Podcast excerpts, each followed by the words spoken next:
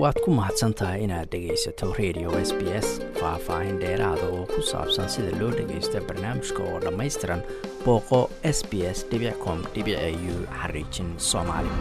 Inaad dabaasha barato ma aha mid mudnaanta ay dadku siiyaan marka ay australia soo degaan. Hase yeeshee xaqiiqdu waxay tahay in dadka ku dhashay dalka dibaddiisa ay sannad walba ku badan yihiin dadka biyaha ku dhinta marka la fiiriyo tirakoobka jira. Dalkan australia xirfadda dabaashu waa mid nolosha lagama maarmaan u ah.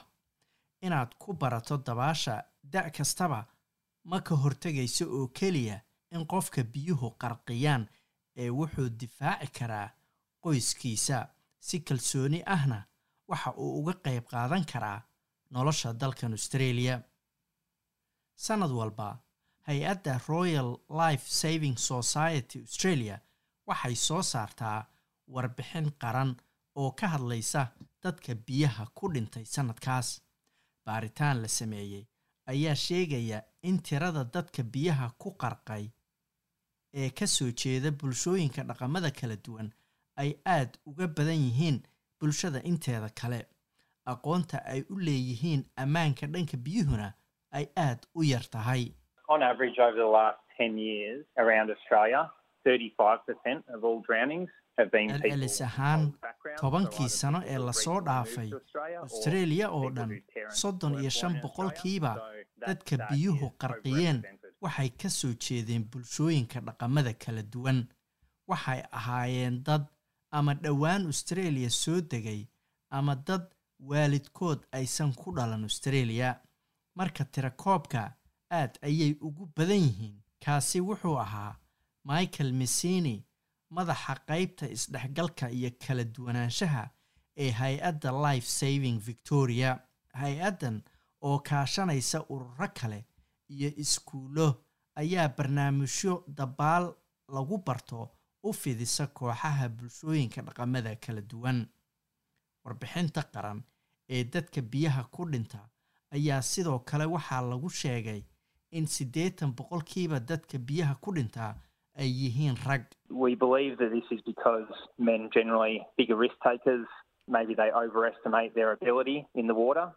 Waxaan aaminsannahay in sababtu tahay maadaama ay inta badan raggu yihiin kuwa qaata khatar badan waxaa dhici karta inay xirfadooda biyaha ka badbadiyaan oo yidhaahdaan waan aqaanaa. mararka qaarna ay dhahaan waan naqaanaa wax aysan aqoon gaar ahaan bulshooyinka dhaqamada kala duwan oo ah dadka dalka dhowaan soo galay. Haweenka waxaa dhici karta inay ka yimaadeen dalal jimicsiga jirka isboortiga iyo dabaashuba aysan ahayn arrimo mudnaanta la siiyo. Dhaqamada qaarkoodna aanba loo oggolayn haweenku inay waxyaalahaasi ka qayb qaataan. Khataro u gaara oo badan ayaa qayb ka qaata tirada badan ee dadka biyaha u dhinta ee ka soo jeeda bulshooyinka dhaqamada kala duwan. Inta badan carruurta australia ku dhashay waxaa iskuullada lagu siiyaa casharo dabaal iyo kuwa la xiriira ammaanka biyaha. Dadka australiyaanka ah ee ku nool xeebaha ama leh barkado lagu dabaasho waxay u arkaan biyaha wax laga faa'iidaysto sidoo kalena lagu raaxaysto balse bulshooyinka dhaqamada kala duwan mar kasta biyaha sidaasi uma arkaan. Sofia waxay ku kortay dalka eritereya kadibna waxay qaxooti ku ahayd dalka kenya. Waxba kama aysan aqoon dabaasha ama ammaanka biyaha markii ay australia soo gashay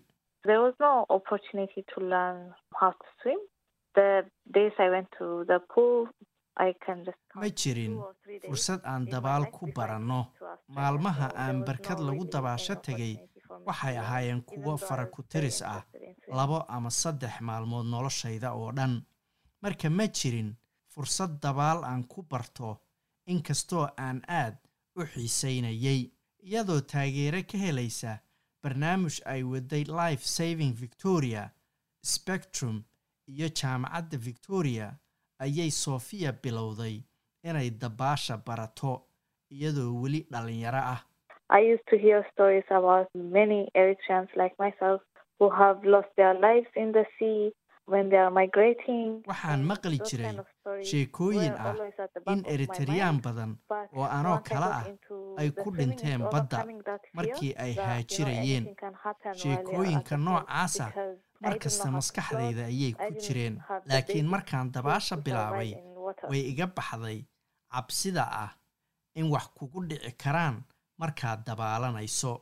Sababtoo ah ma aanan aqoonin sida biyaha loogu dul heehaabo ama ma aan aqoon xirfadaha sahlan ee biyaha looga badbaadi karo ayay tiri dadka australia ku cusub ayaan inta badan garan karin khatarta biyaha furan. Sida in mawjadda biyaha xeebta soo gasha kadibna dadka dhinaca badda u qaadata oo khatarta ugu badan ku haysa xeebaha australia ama waxa ribka loo yaqaano. Khatartaas ayaa sidoo kale ku sii badan webiyada iyo harooyinka. Sida ay sheegtay jade hanson oo ka tirsan ost swim 26% of the fatal drownings from 2021 were in a river or a creek, as compared to a beach, which was 22%. labaatan iyo lix boqolkiiba and 16% dadkii biyuhu qarqiyeen oo ku dhintay labadii kun iyo labaatan iyo kowdii waxay ku dhinteen webi ama haro. marka loo barbardhigo kuwa xeebaha ku dhintay oo laba iyo labaatan boqolkiiba ahaa. shan iyo toban boqolkiiba waxay ku dhinteen badweynta dad badan ayaa tegaya meelo fogfog iyagoo aan ogeyn gunta biyaha ama sida biyahaasi ay u qodan yihiin ama u qoto dheer yihiin. Ma jiraan dad ilaaliya oo dadka ku caawiya goobahaasi fogfog marka waxaa jira khataro badan oo ah in dadku ku qarqaan biyahaasi oo ay ku dhintaan ayay tiri. Australia waxaa ku wareegsan xeebo. Marka inaad barato dabaashu waa muhiim waxaa sidoo kale muhiim ah inaannu yeelanno xirfado la xiriira ammaanka biyaha oo lagama maarmaan u ah xirfadda dhanka amniga dabaasha kalluumaysiga iyo dhammaan howlo kasta oo biyaha lagu sameeyo. Barnaamijyada ammaanka biyaha waxay kordhiyaan wacyigelinta inaad ku dabaalato inta u dhaxaysa calamada muujinaya aagga dabaasha loo ogol yahay iyo in dadku fahmaan siyaalo aan la sii saadaalin karin in biyuhu ay u socon karaan ama isu beddeli karaan faa'iidada barashada dabaashu waa mid ka sii weyn inaad naftaada ku badbaadiso sida uu sheegayo mar kale michael messini oo ka tirsan life saving victoria A major benefit is keeping your family safe. So if you're confident in your own swimming ability, then you'll be more confident in supervising your Faa'iidada weyn waa ammaanka qoyskaaga oo aad ilaalisid. marka haddii aad ku kalsoon tahay awooddaada community markaas waxaad kalsooni ku qabtaa inaad carruurtaada ilaaliso. marka ay dabaalanayaan. haddii aad dabaal taqaanid waxaad ka qayb qaadan kartaa falalka kale ama howlaha kale ee biyaha lagu sameeyo. Sida waxa loo yaqaano snoorkalka oo ah inaad adoo wata qalab lagu neefsado aad biyaha hoostooda ku quusto oo ku dabaalato ama waxaad kaloo samayn kartaa waxa loo yaqaano serfinka oo ah inaad adoo loox fuushan biyaha dushooda ku orodo. Waxayna xirfadahaas oo dhan siinayaan qofka fursad uu kaga qayb qaato nolosha australia qaybna uu ka noqdo bulsho weynta. Si aad u hesho barnaamijyo aad dabaal ku barato.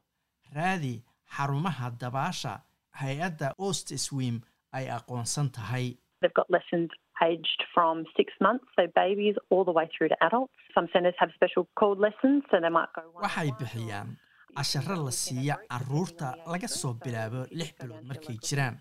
Marka ilmaha yar ilaa dadka waaweyn casharo dabaal ayaa la siiyaa. Xarumaha qaarkood waxay leeyihiin barnaamijyo loogu talagalay bulshooyinka dhaqamada kala duwan. Oo qof qof loo siiyo oo qof qof casharka loo siin karo ama koox dhan dabaasha lagu baro.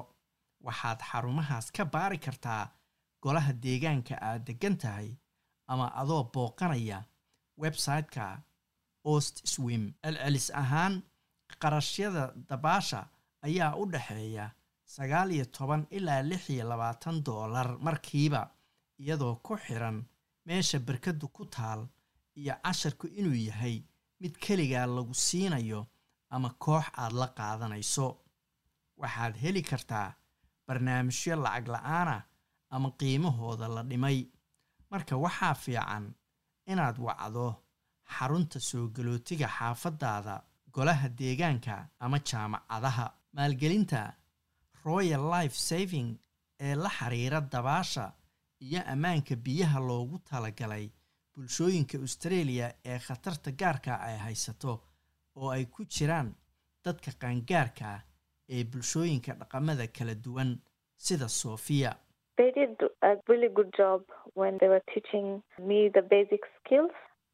runtii shaqo fiican ayay qabteen markay i barayeen xirfadaha aasaasiga ah wuxuu ahaa nidaam tallaabo tallaabo lagu barayo dabaasha.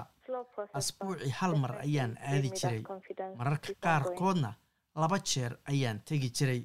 Laakiin shaki kuma jiro inay isiiyeen kalsooni aan ku dabaasho ayay tiri. Afka ingiliishka dabaasha ayaa sidoo kale ah barnaamij kale oo gaar ahaan loogu talagalay dadka qaangaarka ah oo soo galootiga ah waxaa markii ugu horreysay aasaasay navatis skilled futures oo ku taal xaafadda bankstown ee magaalada sydney oo kaashanaysa hay'adda kale ee different strokes swimming oo ah iskuul dabaaleed oo isna sydney ku yaalla oo loogu talagalay oo keliya soo galootiga iyo qaxootiga si ay u helaan xirfad cusub ayna u noqdaan dad kalsooni qaba sofiya ayaa kalsoonida cusub ee ay heshay. Hadda u isticmaalaysa inay nolosheeda wax uga beddesho.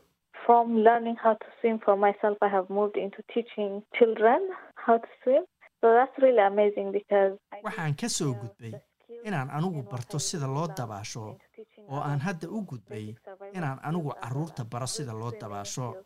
waa wax runtii aad u fiican sababtoo ah waxaan la wadaagayaa xirfadda aan bartay. Aad baana u jecelahay inaan baro xirfadaha aasaasiga ah iyo dabaashaba. Waad ku mahadsantahay inaad dhegaysato raadiyaha s b s. Toos u dhegaysa barnaamijka habeenada arbacada iyo jimcada tobanka fiidnimo. Ama kaga soo cesho website-ka iyaga iyo s b s radio app booqo s b s com au xariijin soomaali